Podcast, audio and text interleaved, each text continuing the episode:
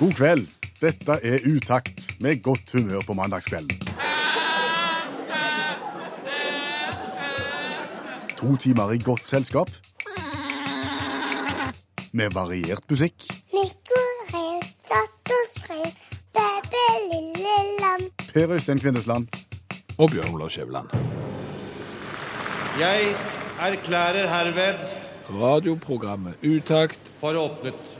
Som er et nokså godt radioprogram med en klar formålsparagraf. Ja, formålsparagrafen til Utakt. Utakt skal være godt selskap på en mandagskveld, og Utakt skal skape godt humør. Og, og hvis vi ikke klarer det, nei, da har vi ikke oppfylt formålsparagrafen. Da har vi ikke lykkes. Nei, vi har ikke det. Så vi oppsummerer nærmere midnatt for å se om vi har lykkes. Vi gjør det. Jeg vet ikke, Veland, at du opplevde saker og ting i bilen på vei til jobb i dag. Ja, nå får jo du det til å høres ut som om jeg har opplevd noe helt spesielt oppsiktsvekkende som aldri har skjedd før. Fortell oss hva du opplevde i bil på vei til jobb i dag. En trailer som blinkte med lysa. Ja. Var det mer med det, eller? Ja, han blinkte med lysa. Sånn, nå går vi videre. Nei, ja, men altså fordi at eh, jeg kjørte på en eh, firefelts motorvei. Det vil si at jeg hadde to felt i min retning, den veien jeg kjørte, og, og i motsatt retning, der kom det da en eh, trailer og en personbil som la seg inn fra akselerasjonsfeltet og skulle inn i det feltet som traileren var. Liksom foran traileren, på en måte? Ja, det er det jeg ikke helt eh, Det er jo derfor jeg tar opp dette temaet, fordi at traileren blinkte med lysa. For å fortelle mannen i personbilen et eller annet. Ja. Hva? Ett av to. Skynd deg, og kom inn, for nå sakker jeg litt av. Ja. Eller nå kommer jeg i fulle, fulle, fulle fart, og jeg har mye større bil enn deg. Bli i akselerasjonsfeltet til jeg har kommet forbi deg. Ja, det tenkte jeg òg, at det var de to alternativene. Men det er klart at det er ganske stor forskjell på de to alternativene. Det er veldig stor forskjell på å hive deg inn foran en trailer, eller for Guds skyld ikke hiv deg inn foran en trailer. Og hvordan skal vedkommende i bilen forstå eh, hvordan du skal forholde deg til en sånn blinking? Det er ikke enkelt. Altså, altså Vanligvis, tenker jeg, hvis du er ute på landeveien og møter en bil, en trailer eller en vanlig Ja. bil, som blinker med lyset til Ja. deg, da tenker jeg da er det ett av to. At det òg er et av to. Ja, Da er det enten så, så varsler jeg at det kan være en politikontroll Ja, litt og- lenger framme, Ja. senk farten, eller så kan det være at du mangler et lys. Ja, og det du gjør da, da slakker du farten, og så stopper du på første bussholdeplass, og så ser du om du har alle pærene intakt. Ja. Helt ufarlig uansett hvilket valg jeg velger. Ja, men, men, men det er klart, dette her, når, når, når det kommer en sånn 18 meter bil, som, som veier mye mer enn en eh, knøttliten bil, da, da er det jo greit å vite hva det faktisk betyr. Og jeg så der at dette her gikk ikke av sted, at de to hadde forstått hverandre. og jeg for, for jeg klarte ikke å se at den traileren sakka farten, og han andre prøvde heller ikke å foreta seg noe. Plutselig da så blir jo akselerasjonsfeltet veldig kort. Hvordan endte det? Nei, Det endte jo med at den, eh, den bilen heiv seg inn foran. Gjorde han det? Ja, ja, ja. Så, men, men, eh, men jeg vet ikke om det var det som var planen. Altså, hvis du, hvis du kjører sjøl i en kø, Ja.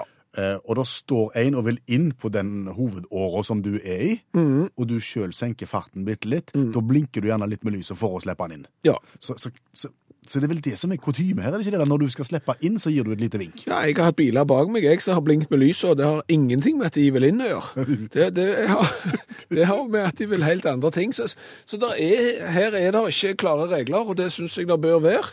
Ja. For eksempel, altså, jeg vet jo ikke hvordan, og, og sannsynligvis er det vel noen voksne i Statens vegvesen og politiet nå som vil være helt uenige med oss hvis vi prøver å få fram et regelsett.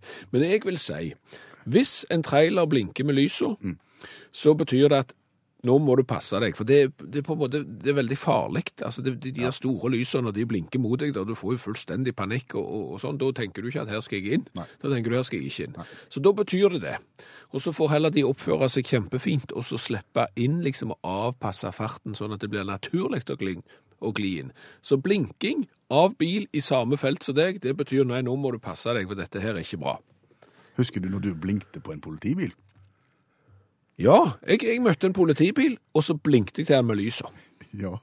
Jo, Det var, ja. det var fordi at han mangla ei pære. Ja, du, det var en gest fra deg. Ja, ja og, og, dette tok jeg jo opp med, med en, eh, ja, en, en politi av eh, høyere embedet, og jeg fortalte det at jeg hadde blinka til en politibil for å signalisere at, eh, at han mangla ei pære. Hva sa politimannen da? Jo, men feil kan skje hos de aller fleste, og så føys han det litt grann Han var, vekk. han var ullen? Han var litt ullen, ja. Ah, ja. Så, så. Men jeg sa, jeg kunne jo hende at jeg blinkte til de for å fortelle at det var en politikontroll rett rundt hjørnet. Det synes jeg ikke var løgn. Da ble det enda mer ullen.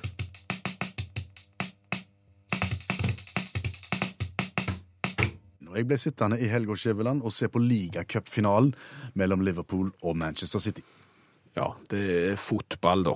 Det er fotball. Det er fotball. Det er elleve overbetalte engelskmenn, eller stort sett utlendinger, mot elleve andre overbetalte utlendinger i England. Sånn kan du si det. Ja. Men det jeg beit meg merke i der, det var eh, øyeblikket etter at Liverpool hadde utligna til 1-1.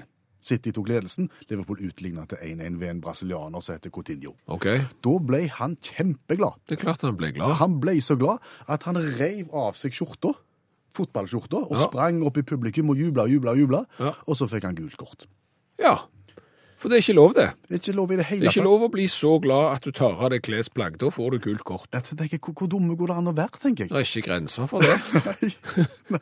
For La oss nå si at mannen hadde gult kort fra tidligere i kampen. Ja, Eh, og det er jo sånn, Får du to gule, så får du rødt, og da må du av banen. ja. Så kunne du da risikert at du ble så glad at du ble utvist. Tror du ikke han hadde latt være da? Han så ikke sånn ut i øynene at han visste hva han gjorde. Ok, så han hadde såpass lite håndbagasje, mener du, at han kunne Nei, være kapabel til å... han, ble, ikke- han ble så glad. Han ble så glad. Det er 80 000 på tribunen, det Ja, ja. koker, og du ble glad. Men hva er den mekanismen? Hva er det som gjør at du får et behov for å rive av deg skjorta når du blir glad? Nei, men tenk hvis du har skåret to mål, da. Da reiv du han av første gang, fikk gult kort, og skårte du ett til, så reiv du han av en gang til, og takk for i dag, så fikk du rødt. Nei, jeg aner ikke hva som skjer oppi hodet til folk blir, at de blir så glad for at de blir nødt til å kle av seg. Nei? Jeg har aldri hatt behov for å kle av meg altså, av ren pur glede. Er sikker på det? Jeg tror det. Men, men jeg tenker, det må, jo ha, det må jo ha blitt et problem, dette her, i og med at de har innført en sanksjon mot det. At de faktisk må straffe med gult kort dersom folk river av seg skjorta. Ja, det, det må jo være en eller annen sånn en eh, korrupte Fifa-sjef som, som har sittet på et møte, så har de sagt at vet du hva, nå er det så utagerende klesplagghiving på disse fotballkampene at nå må vi gi de gult Når De begynte det? Aner ikke. Ja, Jeg, jeg har jo sett det før, men jeg klarer liksom ikke å si tid var første gang jeg så at noen heiv av seg klærne for de var så klare for å skåre mål. Nei. Det var vel samtidig med at publikum eh, var i svart-hvitt på tribunen og heiv hatten sin i været, kanskje. Ja, ja, det var kanskje det var, det var første plagghivingen vi så i, i moderne fotball. Ja, da, Da da, ble de kjempeglade. Da heiv publikum hattene opp, ja. ja men, men har du sett de bildene der? ja. Der er bare mannfolk på tribunen, stort sett, og alle har hatt. Ja. Og der er kjempe, kjempe, kjempe, kjempemange, og så hiver de hatten, og den kommer ikke ned på samme plass. Nei. Hvordan vet de hva hatt som er deres? Det er ikke godt å si. Nei, det er helt sykt. Ja. Nei, men, men, men det er klart, hvis dette her skulle, skulle utarte seg, for det er klart at det kan kanskje være viktig å si at, vet du hva, for at ikke dette skal utarte seg, så får du gult kort. For du kan jo tenke deg hvor tåpelig det ville vært. For eksempel hvis du har hevet trøya på den ene skåringen, og så må du hive buksa på den andre. For å liksom toppe det. Ja, og, og så begynner du med strømpene, og, til slutt, sant, du har sett hvordan det er når det springer nakne folk på fotballbanen. Da kommer vaktene og hiver de av.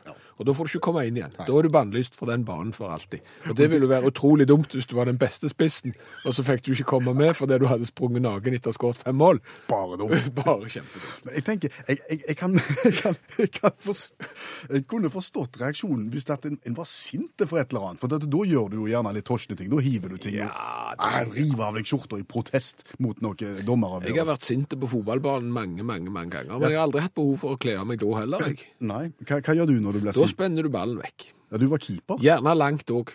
Helt umotivert. Etter først å ha kjefta.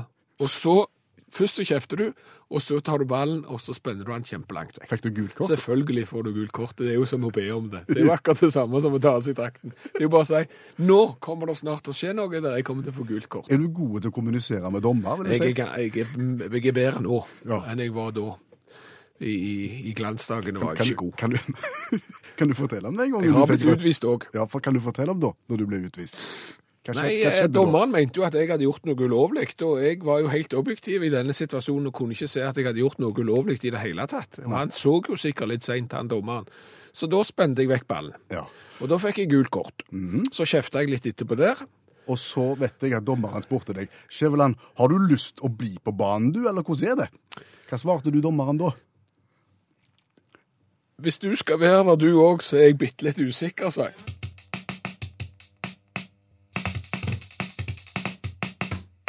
Du opplevde blinking i trafikken på vei til jobb i dag, Skjæveland, og vi har diskutert hva det betydde. Ja, en trailer som blinkte på en eh, personbil som var i ferd med å kjøre inn på motorveien, eh, ja, ved siden, foran, bak, alt ettersom denne traileren. Og da lurte vi, betyr det at vær så god, kjør inn, jeg slakker av, eller betyr det oi, oi, oi, pass deg, for nå kommer jeg i fulle, fulle fart. Og mange har svart. Ja, altså vi vet jo ikke helt hva det betyr, og det er klart at eh, når, når dette da praktiseres ulikt eh, på tvers av landegrensene, så blir det jo ikke mindre komplisert. Nei, for det har det kommet innspill om. Ja, Geir har eh, meldt oss. Han har ringt og snakket med kjekke Rikke her, og, og hun kunne fortelle videre at Geir har kjørt i 34 år, mm. tungtransport. Og i Tyskland så er det vanlig å, å blinke med lys for å slippe noen forbi og inn. Høflighetsblinking. altså. Høflighetsblinking i Tyskland, Ja. mens i Frankrike, det, der er det total idioti og, og, og sinne som skal, skal blinkes på. Altså hvis noen oppfører seg feil, så skal du blinke. Når, du- da, Da er det flytt, flyttingblinking. ja, og det er det samme i Norge. Så, så det er dissens på tvers av landegrensene. Blinkeskolen. Blinkeskolen er vidt forskjellig i Tyskland og Frankrike. Og som om ikke det var nok, så har Beate meldt oss på vår Facebook-side eh, følgende. Når en trailer blinker, så kan det også bety en tredje ting. Nemlig at han ser en annen trailer med et rødt og blått skilt i frontruta hvor det står 'Hils på en kollega, ta en kaffe'. Det er en gruppe for yrkessjåfører på Facebook med mange tusen medlemmer, og de fleste av disse blinker og hilser på hverandre. Ja, Kan det rett og slett ha vært invitasjon til kaffe? det var bare jeg som kjørte i motsatt felt, og jeg hadde allerede kaffe, så det ville være helt bortkasta. Ja, ja, den får, debatten får rulle videre. Hvis det er innspill, så ta kontakt enten på SMS til 1987, start med utakt, eller så kan du følge oss på Facebook, som sagt. Dette er utakt på selveste skuddårskvelden. Må ikke du begynne, du òg? Jeg sier dette er utakt på selveste skuddårskvelden. Ja, det blir jo ikke bedre om du sier det to ganger. Dette er utakt på Altså, hva er klokka nå? Hun er tre minutter på halv elleve. Ja, for å si det sånn, det har vært skuddår veldig lenge. Ja. Og det er ikke et radioprogram siden i, ja, vi passerte midnatt som ikke har fokusert på at det er skuddår, og at det er den 29. februar. Og, og da trenger ikke vi òg å hive oss på den. Det, for å si sånn, akkurat det er overmarkert. Og alle Jeg har hørt på radioen i dag. Og hver gang jeg har skifta kanal, og hver gang jeg har hørt på et program, så har det vært å, det er 29., og i dag er det skuddår, og i dag er det sånn og sånn, og i dag er det den dagen når damer kan få lov til å stå fri, og det er jo så alle tiders. Nei, vet du hva, vi har hørt det før, og 29., de kan fri akkurat hva dag de vil. De kan fri den 28., 27., eneste dagen de ikke kan fri er den 30. februar, for den finnes ikke uansett. Det er nesten sånn litt sånn kjønnsfascistisk å si at damer bare kan fri på den 29. De kan fri akkurat hva tid de vil. Og det er jo ikke noe spesielt med skuddår. Det kommer hvert fjerde år. Det er akkurat som OL. Det er ikke noe spesielt, det heller. OL er kjekkere, forresten. Og oppstår fordi Hva? Skuddår. OL? Nei. Skuddår. Det, er jo bare fordi at jordkloden. Sant? Jordkloden sitter der og så tenker med seg sjøl Vet du hva, jeg springer alt jeg kan for å holde den der rundetida mi. Og det klarer jeg ikke helt. Jeg klarer det ikke på 365 dager. Jeg klarer det rett over. Og, og så Dermed så må jeg samle opp bitte litt av den tida og lage en ny dag. Det er ikke verre eller det. sant? Så dette er jo ikke noe spesielt. Et eh, astronomisk fenomen som er enkelt å forklare. og det må slutte å sette for mye fokus på den her 29. skuddårsdagen. På tull og vas. Nå har du brukt nesten tre minutter på å fortelle hvorfor vi ikke skal snakke om, ut, om skuddår i programmet Utakt. Ja, det skal jo ikke gå ut over meg.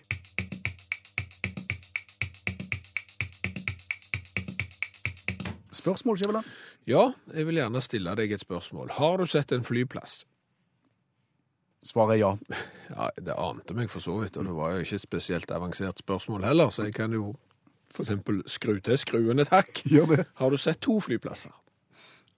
Ja, svaret er fortsatt ja. Ja, sånn kunne vi fortsatt et stykke ut på kvelden, men, men poenget er, har du sett, og nå må du tenke deg godt om, Ja.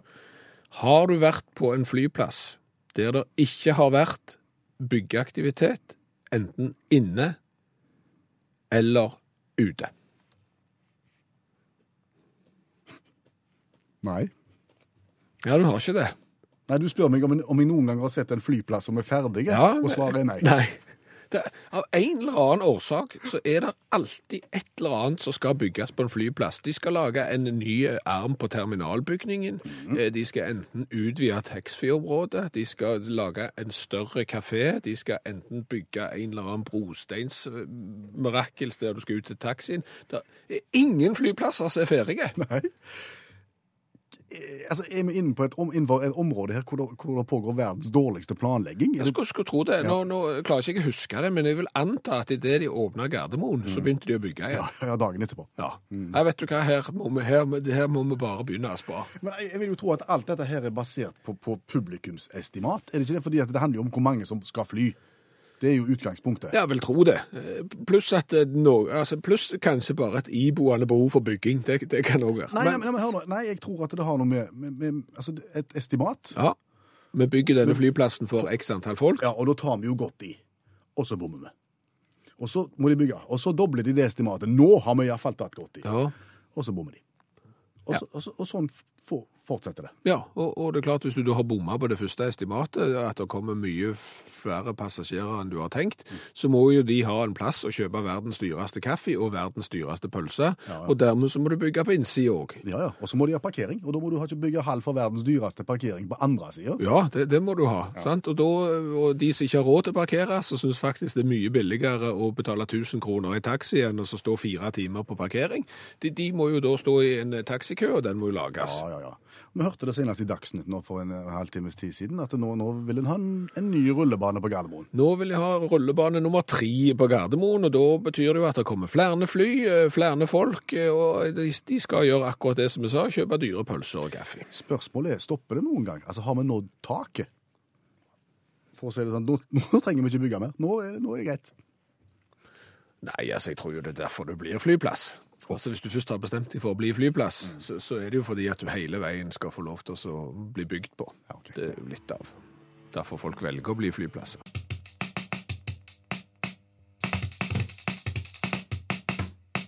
Du, svenskene sliter med tusenlappen. Ja, de, de gjør det. De har da fått en tusenlapp som er for store for, for minibankene, rett og slett, og bankene vil ikke ha de, og det følger jo da av det at vi i Norge eksempel, vi ler litt av svenskene, som har lagt seg inn for store tusenlapp. Ja, altså Europa ler av svenskene. Verden ler av svenskene. Sånn er. Og så kom jo da allmennlærer med to vekttall i musikk, Olav Hove, inn til oss. Han kommer hver eneste mandag og er med i dette programmet her og, og snakker om ting som vi ikke har greie på. Eh, Vi prøvde å le av svenskene til han, men han lo ikke. Jo ikke det. Nei. For det som han sier, det det, det, det er ikke uvanlig i det hele tatt, det som skjer i Sverige. Dette har skjedd før, Hove, ikke sant? Ja, dette er helt vanlig, vet du. Og det er jo eh, Det finnes det eksempel f.eks. fra Chile i eh, 2007.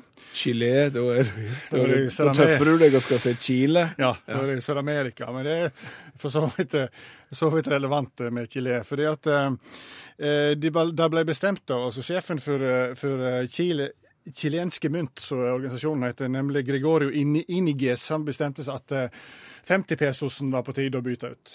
Sant? Eh, den gamle 50 pesosen var begynt å bli litt sliten i kantene, og i tillegg var han generalen så det var bilder på 50 pesosen. Han hadde for så vidt såpass mange eh, svin på skogen at det begynte å tyte ut av den gamle pesosen. Så da eh, sa Gregorio vi må ha sin ny pesos. Ja.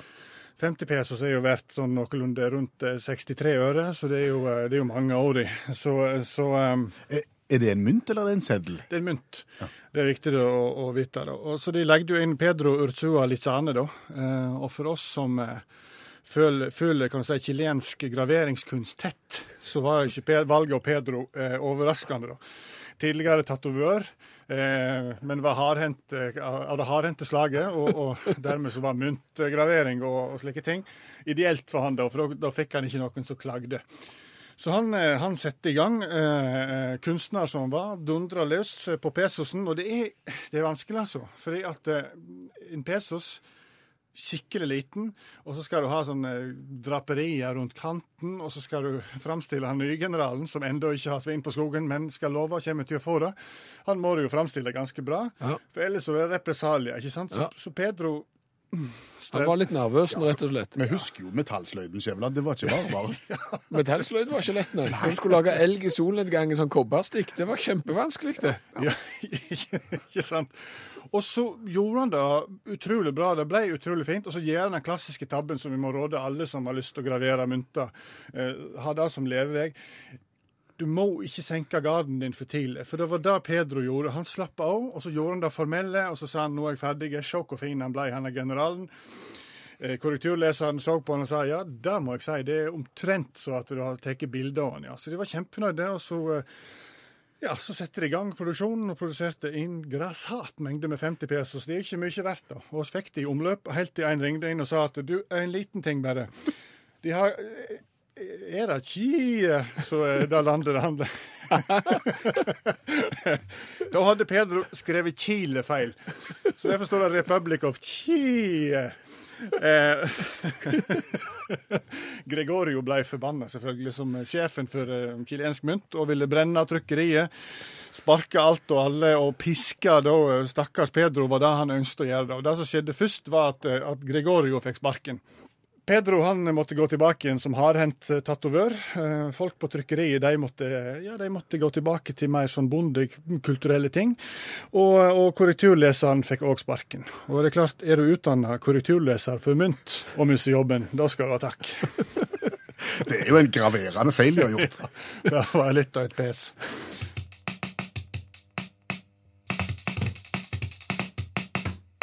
Og Vi stilte for litt siden spørsmålet om noen flyplasser i det hele tatt eh, er ferdige. Altså Det bygges jo kontinuerlig på flyplasser, og vi får jo da svar på tiltale. Ja, Fornebu er ferdig. Helt, helt ferdig. Den er helt ferdig. Ja. Den har vært ferdig lenge òg.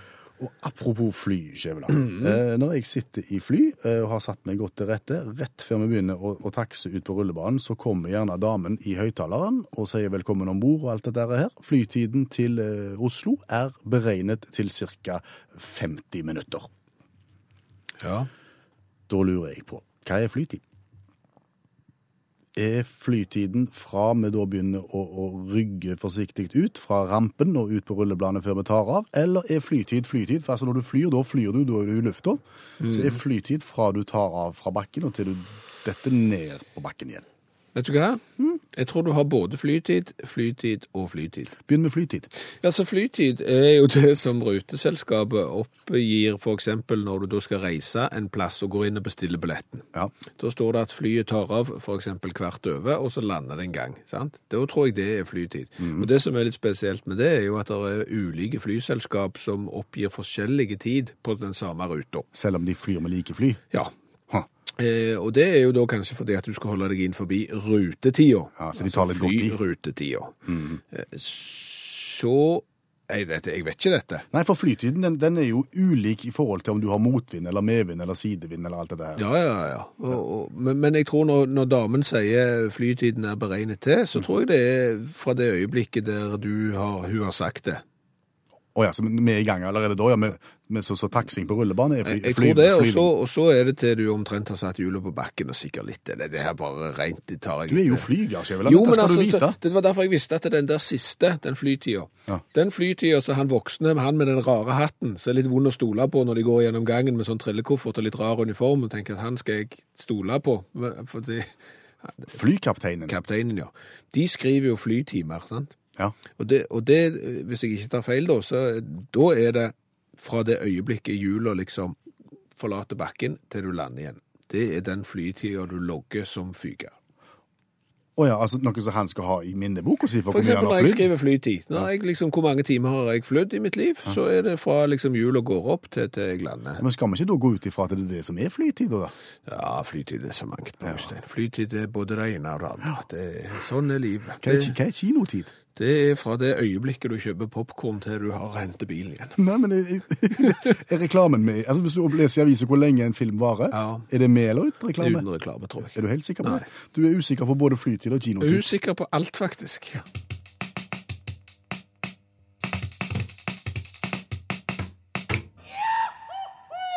Bordet er dekket av ni spørrebøker. Ja, det er det, for nå er det konkurransetid. Og vi spør jo hvorfor har folk lyst til å være med og konkurrere i utakt, og folk har mange gode grunner. Folk vil eh, ha et mentalt avbrekk fra skriving av styremøteprotokoller. Alfred eksempel mener han er som poteten, kan brukes til så mangt, vet litt uh, om alt. Lillian forteller at gubben har lyst på T-skjorte med V-hals. Litt feil motivasjon, Lillian. Det er du som skal ha lyst på T-skjorte med, med V-hals. Mens Maja eksempel er ei plage for familien med sine quizinnfall og har lyst til å være med. Det er mange. Ja. eh, Vi falt, eller det vil si, først og fremst du, Ja, det er meg. ja, falt foran Bjørn Ola.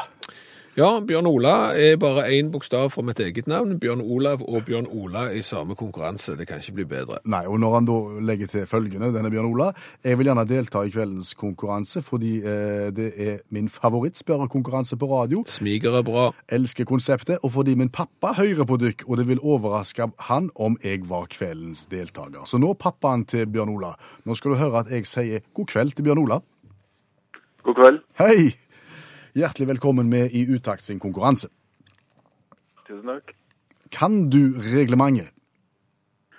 Ja, jeg tror det skal Han har hørt det før, så det skal nok gå bra. Så bra. Vi skal gjenta det for deg som ikke har hørt det før, sånn at du skjønner liksom hva skjer nå. Eh, ni spørrebøker. Bjørn Olav velger én spørrebok. Bjørn Olav plukker fram den spørreboka og spør hva sidetall Bjørn Olav vil ha. Bjørn Olav godtar dette, og hvis det svarer rett, så får han Og svarer Bjørn Olav feil, På spørsmålet fra Bjørn Olav. så får han Og sånn kan vi fortsette hele kvelden med Bjørn Uansett Olav. så skal Bjørn Olav sende ei T-skjorte til Bjørn Olav. Ja. Sånn blir det. Sånn blir det. Ja. Ble det mye nå? Er du klar, Bjørn Olav? Ja. Da skal du få lov til å velge ei spørrebok én til ni. ja spørrebok nummer seks. Nummer seks. Nummer seks, da er vi på min første spørrebok. Den er da for veldig, veldig, veldig små barn. Der er kjempestor skrift i den, og det er nesten ikke sider. Så da skal du få lov å velge ei side blant disse 30 sidene. Da tar jeg 26. 26, og der er det fire spørsmål.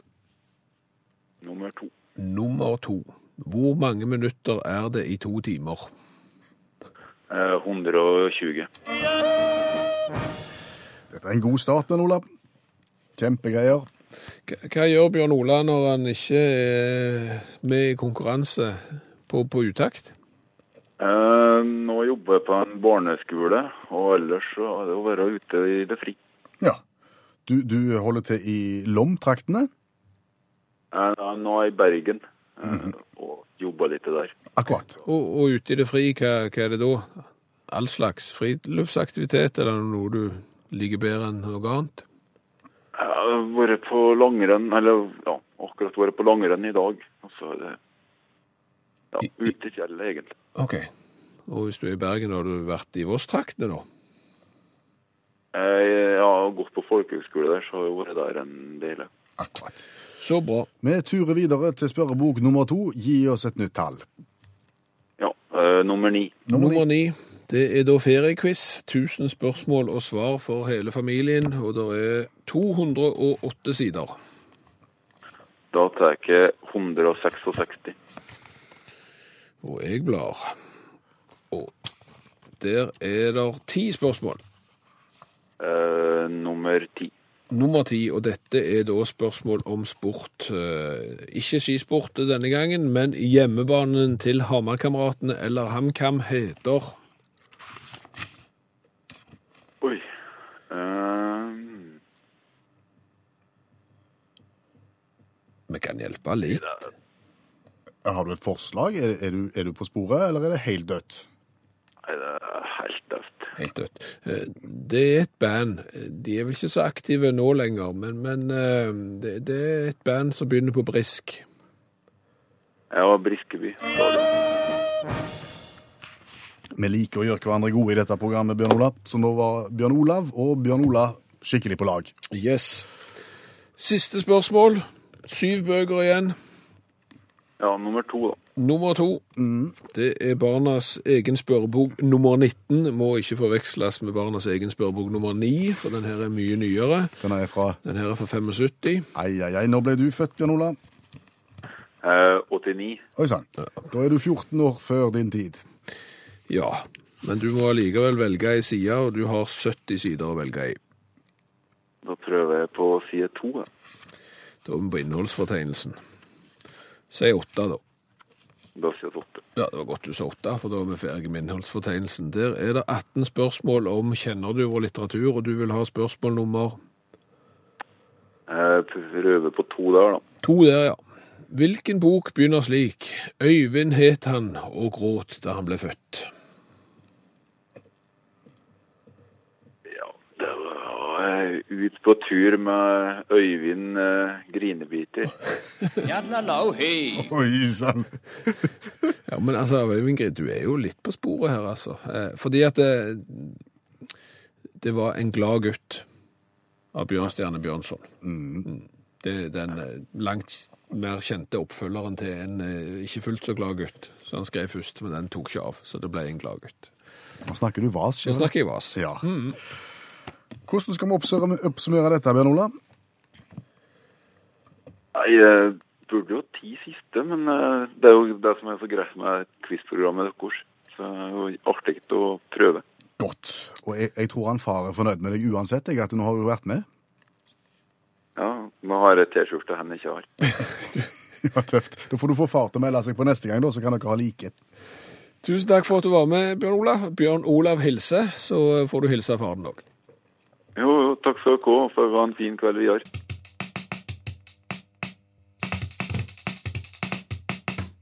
Der var han slutt på Some Sugar On Me. Eh, Er det en litt dårlig overgang til det vi skal gå i gang med nå? Pour some sugar on me. Ja, den jeg holder, den. Vi skal smake cola. Det gjør vi hver eneste mandag omtrent på denne tida. Eh, Vi ønsker å være det radioprogrammet som har smakt på mest cola. Flest colavarianter fra hele verden. Ja, og vi nærmer oss 60, hvis jeg ikke tar eh, feil. Eh, Og vi har vært stort sett eh, i alle verdensdeler, og vel så det. Motivasjonen? Motivasjonen er nordmenn er et reisende folk. Fortell nordmenn hvilken cola de skal drikke i hvilket land, og du har gjort dem en tjeneste. I dag, til deg som skal til Sri Lanken, Ja, hva skal man drikke? Nei, nå går vi over til å snakke skikkelig. ja vi må snakke sånn som vi snakker. Ja. For vi har fått tilsendt cola fra Sri Lanka. Ja, fra Sri Lanka, ja. Men, men dette her er jo egentlig et srilankisk-østerriksk samarbeid. Det er sjeldent. Det er veldig sjelden skal komme på det òg. For denne eh, colaen er da lagd lagt på Sri Lanka, tappa på Sri Lanka, produsert alltid opp på Sri Lanka, men det er da lisensprodusert. Det er egentlig et østerriksk eh, merke. My Cola heter den. My Cola. Mhm. Og ei lita eh, 330 milliliter plastikkflaske som ser ut som den er funnet en eller annen plass. Det er den mest kjipe plastikkflaska jeg noen gang har sett. Ja, ser nesten ut som en sånn tøyseflaske. Ja, det er det som kalles PET-flasker. Det er sånn bruk og kast-flasker. Eh, og sånn ser han ut òg. Og med en litt stusslig rød etikett med blå My-cola-skrift. My Cola. Nå har du snakket den veldig ned før Ja. vi i det hele tatt har begynt. Ja, men, men det står jo 'Get the real taste' på toppen, så det kan jo hende at de har stor eh, tro på smaken. For dette her er da et produkt som de har lagd på Sri Lanka siden 2004. Har da spredd seg òg til en fabrikk på Maldivene. Se det. Eh, Og de har 6% markedsandel på colaen sin. Og, og, og jeg vil bare si det som står på hjemmesida til produsenten her, at de er opplært i Skottland. Ok. Det er et, øst, et østerriksk-srilankisk samarbeidsprosjekt som er opplært i Skottland. Ja, riktig. Så det skulle da borge for kvalitet. På alle mulige vis. Kanskje de lager de kilt, hva vet jeg. Det vi skal gjøre nå, nå skal vi åpne, og så skal vi tømme i glass. Da åpner vi. Og så skal vi smake, og så skal vi først gi poeng for smak, 1 til 10, og så gir vi for design og det vi kaller kulhetsfaktor etterpå. Så får vi se. Vær så god. To. Jeg kan røpe at den er svarte. Den forrige vi hadde, den var, så ut som en urinprøve. Ja. Denne ser ut som vanlig kål.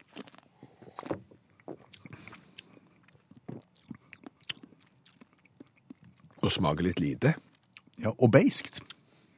Beisk ettersmak. Det er ikke noe vi liker i cola.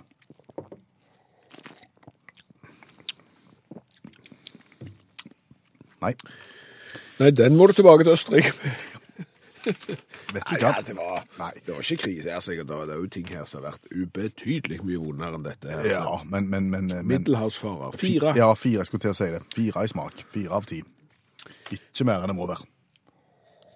Og dette engangsflaskekonseptet som de har lagt seg opp til, og det minimalistiske lavpriskonseptet av en etikett, det slår overhodet ikke an. Det er noe av det tristeste jeg har sett noen gang. Unnskyld. To. Oi, er vi der? Ja, jeg er der. Ja, altså fire, tenker jeg. De har, Fire. For, de har forsøkt. De har forsøkt. Ja. Da er det 6, 10, 14. 14 poeng totalt. Det er kjempedårlig. Da havner du langt nede på lista. Ja, du gjør det. Du er nede i, ja, du er nede blant de 15 siste. Sier du det? Ja. Så et samarbeid, altså, over kontinentene, mellom Sri Lanka, Østerrike og delvis Skottland, Ja. kunne vært vellykka, men er det ikke. Nei, det er ikke det. Nei. Kanskje de skulle prøve på skihopping? Altså, Østerrikerne er gode på det. Eh, Skottene er kjempedårlige på det. Ja, og sri- srilankerne òg, kanskje. Ja, Men ja. Jeg vet, ikke, jeg vet ikke hva de skulle forent seg om, jeg. men iallfall ikke cola. Nei.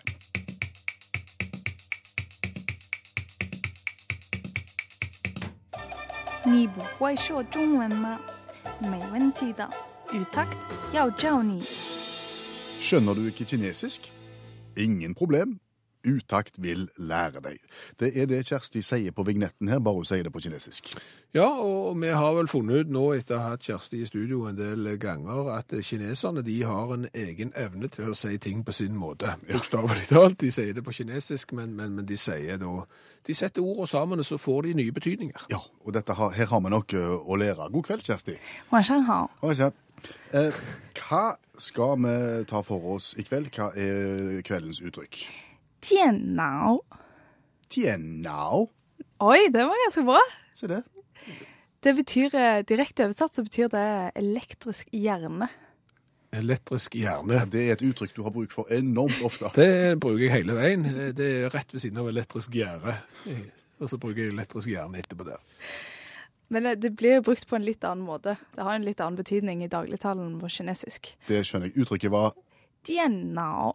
Og det vi mener med det, er Data. Computer. EDB-maskin. Så elektrisk hjerne, det er ordet for, for EDB-maskin på, på kinesisk. Det stemmer, det stemmer. Det er jo ganske logisk. Ja, egentlig. Ja, det forklarer ganske godt hva dette dreier seg om. Ja. Ja. Men det er på en måte når um, kineserne får engelske uttrykk, så oversetter de det. De lager kinesiske versjoner av det. De bruker ikke engelske uttrykk. Så da er det enten sånn at de finner eh, ord, kinesiske ord som kan forklare hva dette er for noe. Eller så har de en annen måte å oversette engelske uttrykk på. Og det er å finne kinesiske tegn som blir uttalt nesten på samme måten. Så du får ikke en kineser til å si 'personal computer', liksom, sånn som danskene sier? Den blir litt vanskelig. Ok. Men det du kan si på kinesisk er kaffe, Kafé? eh, nesten kaffe. Ah. Eller du kan si hanbaobao. Håndballbane? Nei, nei, hamburger. Hva, var det var? Hanbaobao. Tøft. Eller du kan si um, kaloli. Den var vanskelig. Kalori. Ja. Det, det høres ut som en parodi. Jeg kan ikke si R, så jeg sier kalori. Chaukeli, det er sjokolade videre.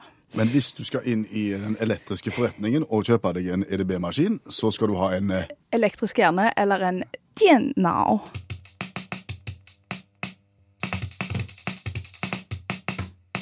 Hva tenkte du på? Jeg tenkte, og, og dette kom jeg på når jeg så et veggur. For enten det er sånn store sånn som står på gulvet, det heter ikke veggur da. Bestefarsklokka? Ja, for eksempel. Eller et sånn et litt gammeldags veggur med, med, med pendel, men iallfall de klokkene med pendel, de blir jo da stilt, altså hvor fort de går, sant? om ei klokke går fort eller seint, blir jo da gjerne bestemt av pendelens svingning. Hvis pendelen svinger litt for fort, så tar du enten og justerer et lodd på pendelen, eller på den klokka som jeg eh, hadde der, eh, så, så justerte du vinkelen på selve klokka på veggen. Sant? Altså du justerte bitte litt på om han skulle henge bitte litt skjevt, og så gikk han plutselig rett. Det, det er jo måter å gjøre det på. Mhm. Var dette interessant?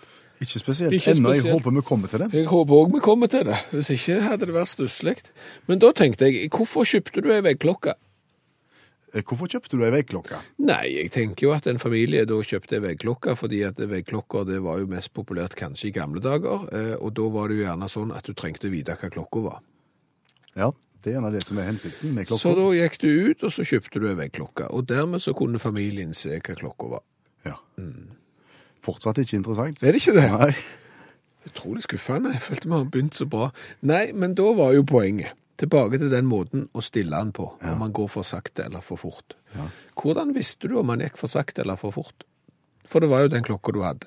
Du sjekker i forhold til tekst-TV eller, eller Nei, du gjorde ikke det.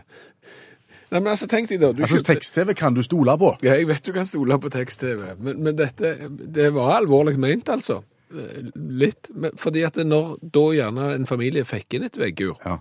Så kan det jo hende at det var den ene klokka de hadde. Det var den de forholdt seg til på dagen. Du sier det før tekst-TV sin tid. Ja, jeg sier at det er mange tiår og hundre år før tekst-TV. Sin tid. dette har du ikke presisert. Vi er i gamle dager nå. Ja, er du så treg?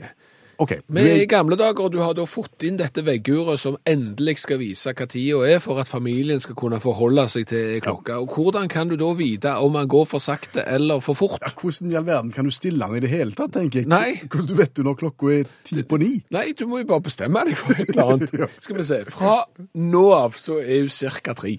Ja. Og hvis han går for fort, så må han bare fortsette med det. Og, og går han for seint, så aner ikke vi.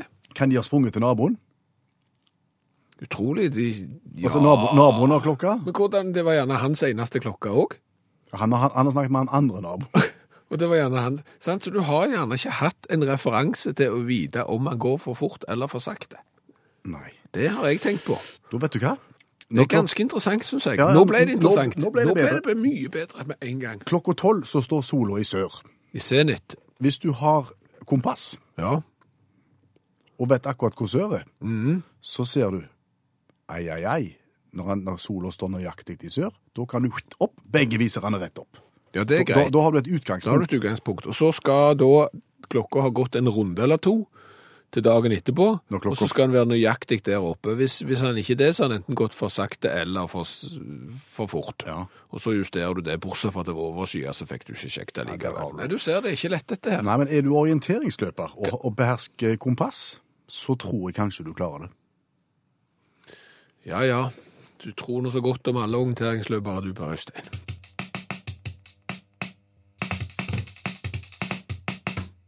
Utakt NRK P1, som alltid har besøk av allmennlærer med to vekttall i musikk, Olav Hove. Ja, og som for en time siden kunne fortelle oss når de trykte 50 pesos-mynten i Chile, og klarte da rett og slett å, å trykke feil. Ja, det ble, det ble rett og slett chi- chihehe i stedet for Chile på, på mynten. Det gikk litt fort i korrekturen der, og det ble dyrt. Men, men Hove, det er sånn at det er ikke første gangen det skjer i verdenshistorien. Eh, Vi skal høre om dyre og omfattende trykkfeils som har, som har gått av stabelen tidligere òg. Ja, eh, det har jeg. Og, og hvis du tar trykkfeil i bøker, som er ganske vanlig, da. Eh, første kjente er fra 1631, der eh, Charles den første ville få opp, trykt opp en ny bibel, og, og han trykte opp Robert Barker og Martin Lucas trykte opp Bibelen i 1631. Det er jo et styr. Det, vi vet jo alle at det er 783 137 ord i Bibelen. De hadde 783 136 ord. De glemte ett ord, og det er jo greit. Det bør vi innafor. Problemet var at det var det sjette bud. Eh, og dermed så står det at eh, du skal bryte ekteskapet i den bibelen. Det blir kalt for den onde bibel, eh, og den oppfordringen til, til hor og utroskap ble ikke tatt godt imot. Men det er den første kjente. De, de hadde rett og slett glemt den ikke. Ja. Ja. La meg gjette at den bibelen er mye verdt. Den er mye verdt, men Charles den første syntes ikke det var spesielt stilig, så han fikk brent opp alle tusen, bortsett fra elleve. da. Eh, Så nå vet jeg om at det er fem stykker, da. Så den er mye verdt. Fem stykker som er, som, som er, er der ennå.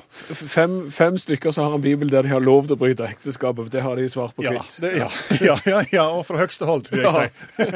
så det er greit. Men når det gjelder sånn enkeltpersoner som har, har gått på trynet, da, så må vi til Roswell i New Mexico.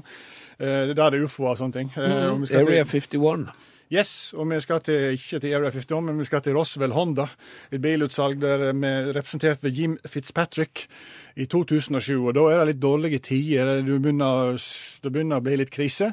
Eh, og han har sendt ut sine reklamebrosjyrer år etter år, og han føler ikke de gjør noe på salget.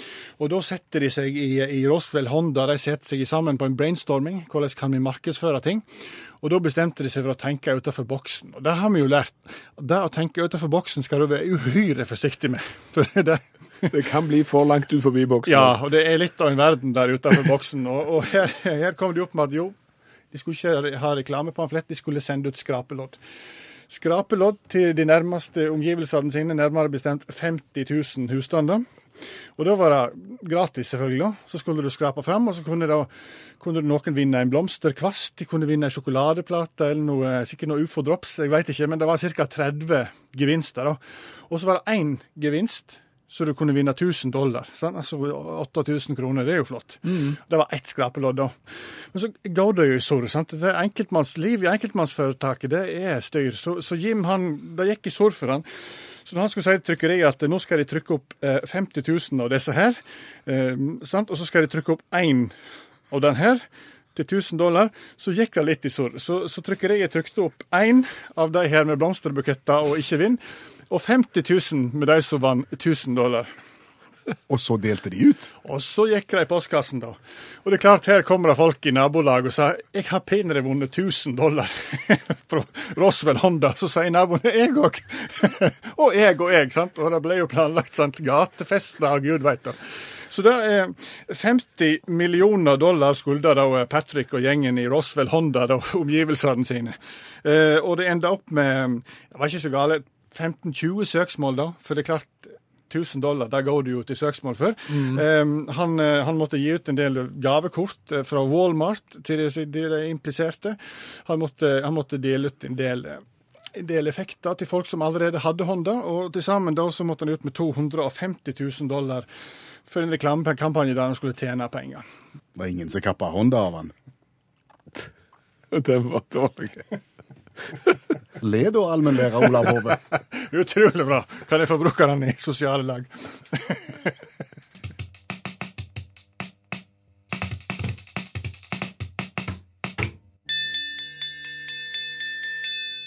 Utakt leser høyt fra boka 'Norges morsomste vitser'. De beste vitsene fra NM i humor. Hushjelpen. Hushjelpen hos presten skulle slutte for å gifte seg. Blir det noe bedre etter dette da, Marte? spurte presten. Nja, bedre blir det vel ikke, sa Marte, men det blir nok litt oftere.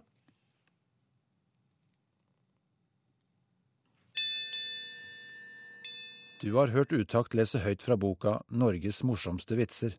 De beste vitsene fra NM i humor.